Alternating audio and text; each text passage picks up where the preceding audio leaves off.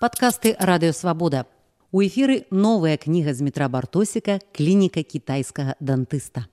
Чытае аўтар.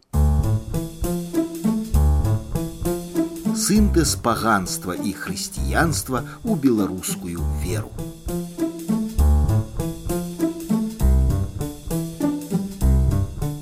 Гэтая гісторыя пачыналася для мяне з непрыемнасці. Улетку 1998 едучы на сваім запарожцы з вільні ў Менск, я перасякаў мяжу ў каменным лагу. Акуратна запоўніўшы мытную дэкларацыю на мове арыгіналу, я аддаў яе самавітаму маладому інспектару ў сінім кіцелі. Прыгажун мужчына узяў маю паперку, але пячатку ставіць не спяшаўся. Вы бартосік з ледзь прыхаванай усмешкай спытаў ён. Так раздражнёна адказаў я, і я не маю ні лішніх грошай, ні зброі, ні наркатычных рэчываў. Вы той самы зміцер бартосік, які ў нашай ніве і на радыё свабода апантана змагаецца за беларушчыну. Так, мой адказ прагучаў ужо не так звонка. І гэта ваша дэкларацыя. Так, упалым голасам двоечніка, які не вывучыў уроку, прамямліў я. Я не ўпершыню быў злоўлены сваім чытачом і слухачом на моўнай няшчырасці. Аднойчы мне ўжо прыходзілася чырванець у кабінеце акуліста. Іншым разам у аўтамайстэрні я клікаў на дапамогу сваіх расейскіх продкаў. Але з чытачом у форме сутыкнуўся ўпершыню. Колькі ж нас много, думаў я, перапісваючы дэкларацыю і ўнутрана даючы урачыстае абяцанне, больш ніколі не запляміць сваё светлае беларускае імя.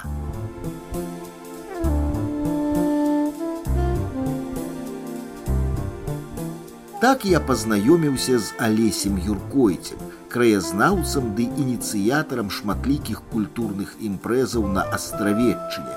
Менавіта алесь распавёў мне пра яшчэ адзін забыты адрас нашай культуры капліцу казімера сваяка. Недзе ў памежным лесе, у далечыні ад асноўных трасаў і буйных паселішчаў, там, куды немагчыма дабрацца аўтамабілем, стаіць разбураная шляходская сядзіба з радавой капліцай. Падчас першай усясветнай вайны яна належала да парахвіі клюшчаны і служыў у ёй ксёнз кастусь стапович, паэт казімер сваяк. У клюшчаны мы за лесем выправіліся снежным адвячоркам да ягонага сябра і цёскі лесніка алеся марозіка, які згадзіўся давесці нас да той закінутай у лесе капліцы. Дарога на клюшчаны з кожным кіляметрам губляе прыкметы цывілізацыі, асфальт саступае месца грунтоўцы, вёскі драбнеюць, сустрэчных машын няма, кожны ўбачаны чалавек на глухой дарозе становіцца выразным, быццам кінагерой узяты буйным плянам. Клюшчаны апошні населены пункт, далей дарогі няма, тупик, мяжа, лес. У лесе цяпер разбіраюць чыгунку, што ледзь не сто гадоў звязвала вільню з полацкам. ляснік марозік прыватызаваў палову колішняй школы адкрытай за пілсудскім і закрытай за лукашэнкам ды некалькі гектараў зямлі навокал грунтоўны драўляны будынак рупнасцю гаспадара ператвараецца ў сапраўдны маёнтак з усімі выгодамі былая школа стаіць на ўзвышшы і краявіды з яе вокнаў такія што не прысніш а яшчэ гаспадарка ад казлянятаў да машин Ці не гэта нараджэнне новых арыстакратычных дамоў? Здзейсненая мара аб новай зямлі. Адказ дадуць лесніковыя дзеці адась і наста якія ўжо ведаюць пра сваю зямлю болей за дарослых дзядзькоў у далёкім менску Шпацыруючы па вёсцы марозік паказаў насупраць утульнага касцёлу, дзе маліўся ксёнз і паэт Стаповіч сваяк, руіны немалой сядзібы. Менавіта тут, у хаце Віктора Смаленскага збіраўся колішні хаўрус сваякоў, слава пра які ішла па наваколлі. Зараз шмат хто вам давядзе, што менавіта тут адбылася першая пастаноўка купалавай паўлінкі. Сам сваяк пісаў пра гэта наступнае. Новы 1916 год адбыўся сягоння так званы літаратурны вечар нашага хору. Усе дэкламацыі павяліся як найлепей, найвыбітнейшыя песняры Беларусі знайшлі тут дастойнае месца. Найболей падабаецца ўсім наш стары Багушевіч. Яго праўда пакінула на ўсіх тварах след глыбокага задумення. Ой, цяжка, цяжка, словы гэтыя узятыя з-пад сэрца беларуса.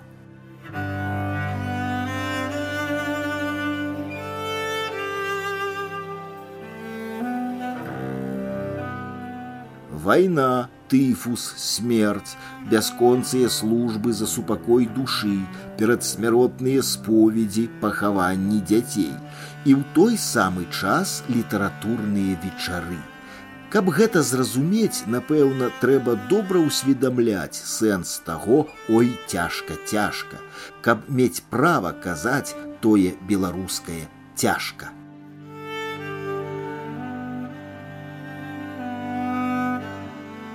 Мы ехалі ў лес да таямнічай капліцы. Конь чучмек бег па мокрым снезе з цяжкасцю цягнучы нашыя санкі. Лежачы на сене ды аглядаючы палі і пагоркі, блізкі лес, я, гарадскі жыхар, пачуваўся быццам на здымках прыгодніцкага кіно пра партызанаў. Пад чоргат палазоў я слухаў сваіх новых сяброў, гаварыў Алесь Юркойць.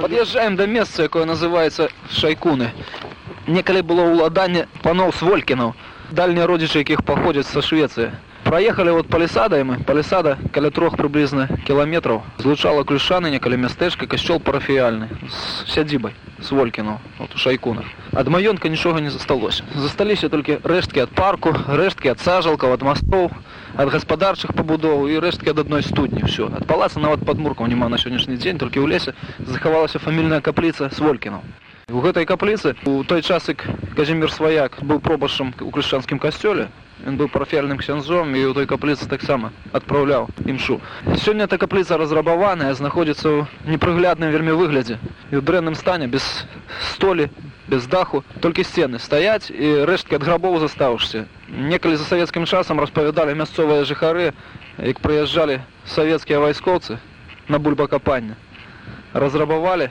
фамільны склеп павыцягвалі грабы і такі жарт що іх быў вельмі папулярны дасталі маладога пана з гроба яго рудыя валасы былі ставілі да дрэва ўвечары хто-небудзь па дарозе ішоў тут якраз дарога праходзіць побач з капліцай праз лес і палохалі а многія жыхары яшчэ памяталі яго нават пазнавалі этого паніша маладога і здавалася як зданне яка стаіць это ягоная мумія я спытаўся ці засталася памяць аб дзейнасці хавруса сваякоў старыя людзі памятаюць вот той же хадорскі Хадорскі расказваў, што іх вучылі беларускія песні касцельныя пяяць. Но ён згадаў не сваяка, а клімовіча. І ён, відаць, быў проста з гэтай моладзі болей працаваў. З такога маленькага кутка тут пару хутароў было з десятак дзеячоў, скажем, агульнабеларускага маштабу. Толькі сваякоў было братоў там 4 ці 5. Затым Янка Былена, псеўданем Івана Семашкевіча от ксяндза. Пасля Адольф Клімович, Это ўсё з нейкага от маленькага кутка от клюшанскага яны сюды багата літаратуры прывозілі беларускай прывозілі кніжкі лацінкай друкаваны 30 гады якіх я нават у нацыянальнай бібліятэцы не бачыў можа некаторыя рэдкія выданні нават газетаў багата прывозілі часопісаў беларускіх па хатах от хадорскі памятаю памятаю крыніцу і ён значит чытаў это ўсё таму што ён сам назвы нам называў гэта есть каплі не бачна адразу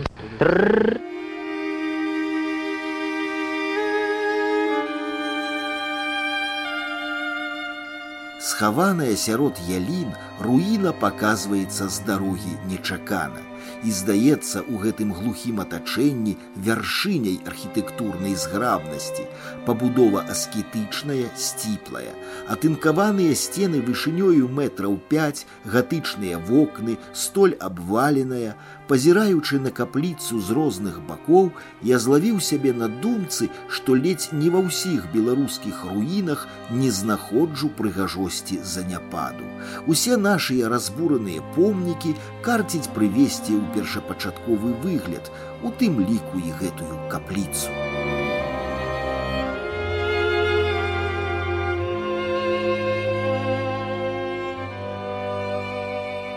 Пражыў казімер сваяк 35 гадоў, выдаў некалькі кніг у розных жанрах, доўга хварэў на сухоты, памёр у вільні, пахаваны на славутых могілках росы на літарацкай горцы побач з сыракомлем ядвігіным ша аляхновічам, Сергей Дубавец выказаў думку, што ў часы нашаніўства, калі ўсё ў беларушчыне імкліва стваралася, калі дубейкаўскі выпрацоўваў нацыянальны стыль у архітэктуры, калі Тарашкевіч складаў беларускую граматыку, а ластоўскі рабіў канцэпцыю нацыянальнай гісторыі, рэлігія творчасцю выпала займацца сваяку. Разумеючы патрэбу беларускага хрысціянства, сваяк інтуітыўна прыйшоў да сінтэзу яго з дахрысціянскімі народнымі традыцыямі. Сваяк выступіў як архітэктар беларускай веры. Сутнасць ягоныя ідэі ў тым, што Бог адзін, а дажбог, сварог, стрыбог, гэта ягоныя каляндарныя іпастасі. Праграмны верш з'явіўся ў нашай ніве 1 лістапада 1920 году.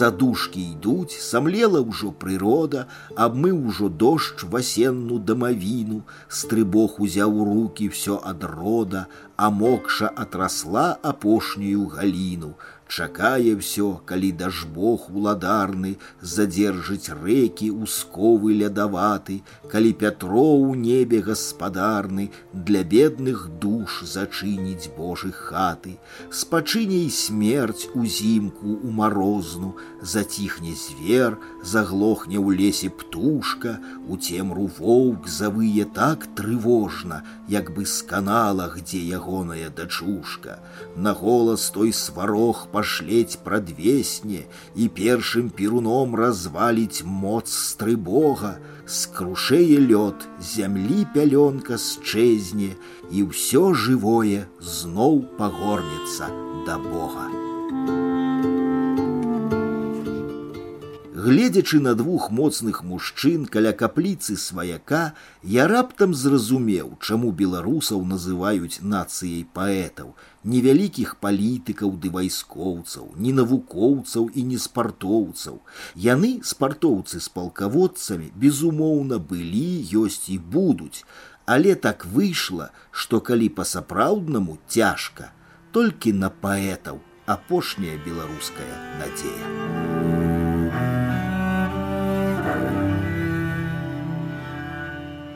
Тады у 2002 Алесь Юркоіць прасіў, каб у этэры радыёвабода не гучала ягонае імя і каб ніякім чынам не фігуравала ягонае месца працы, алесь перастрахоўваўся. Я разумеў, што пастаўленыя помнікі, адкрытыя музеі, зладжаныя пленэры, літаратурныя выступы ў школах не могуць не прыцягваць увагі органаў.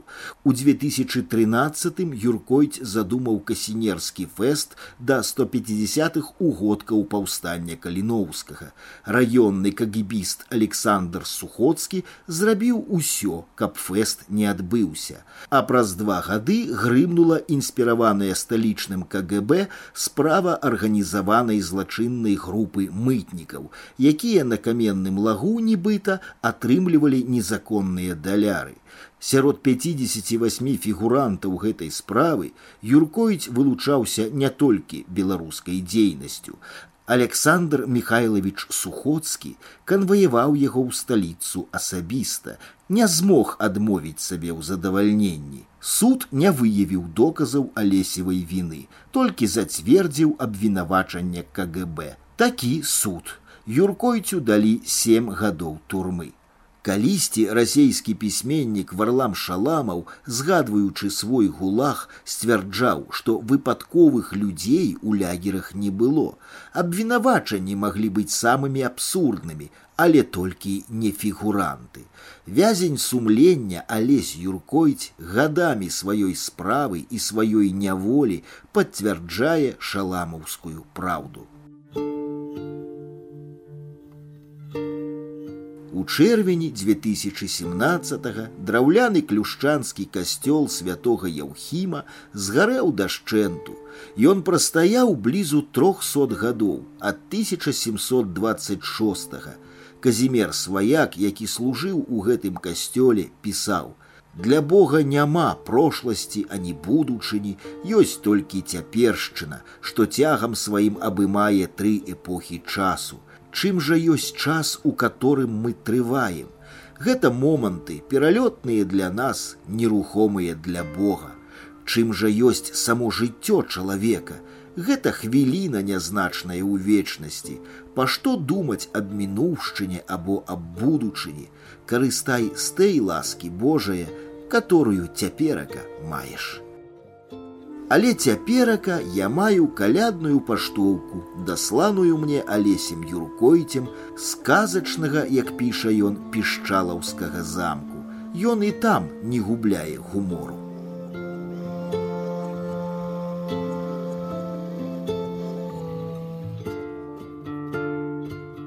Вы слухали эпізод з новай кнігі з метра бартосіка клініка кітайскага дантыста у выкананні аўтара.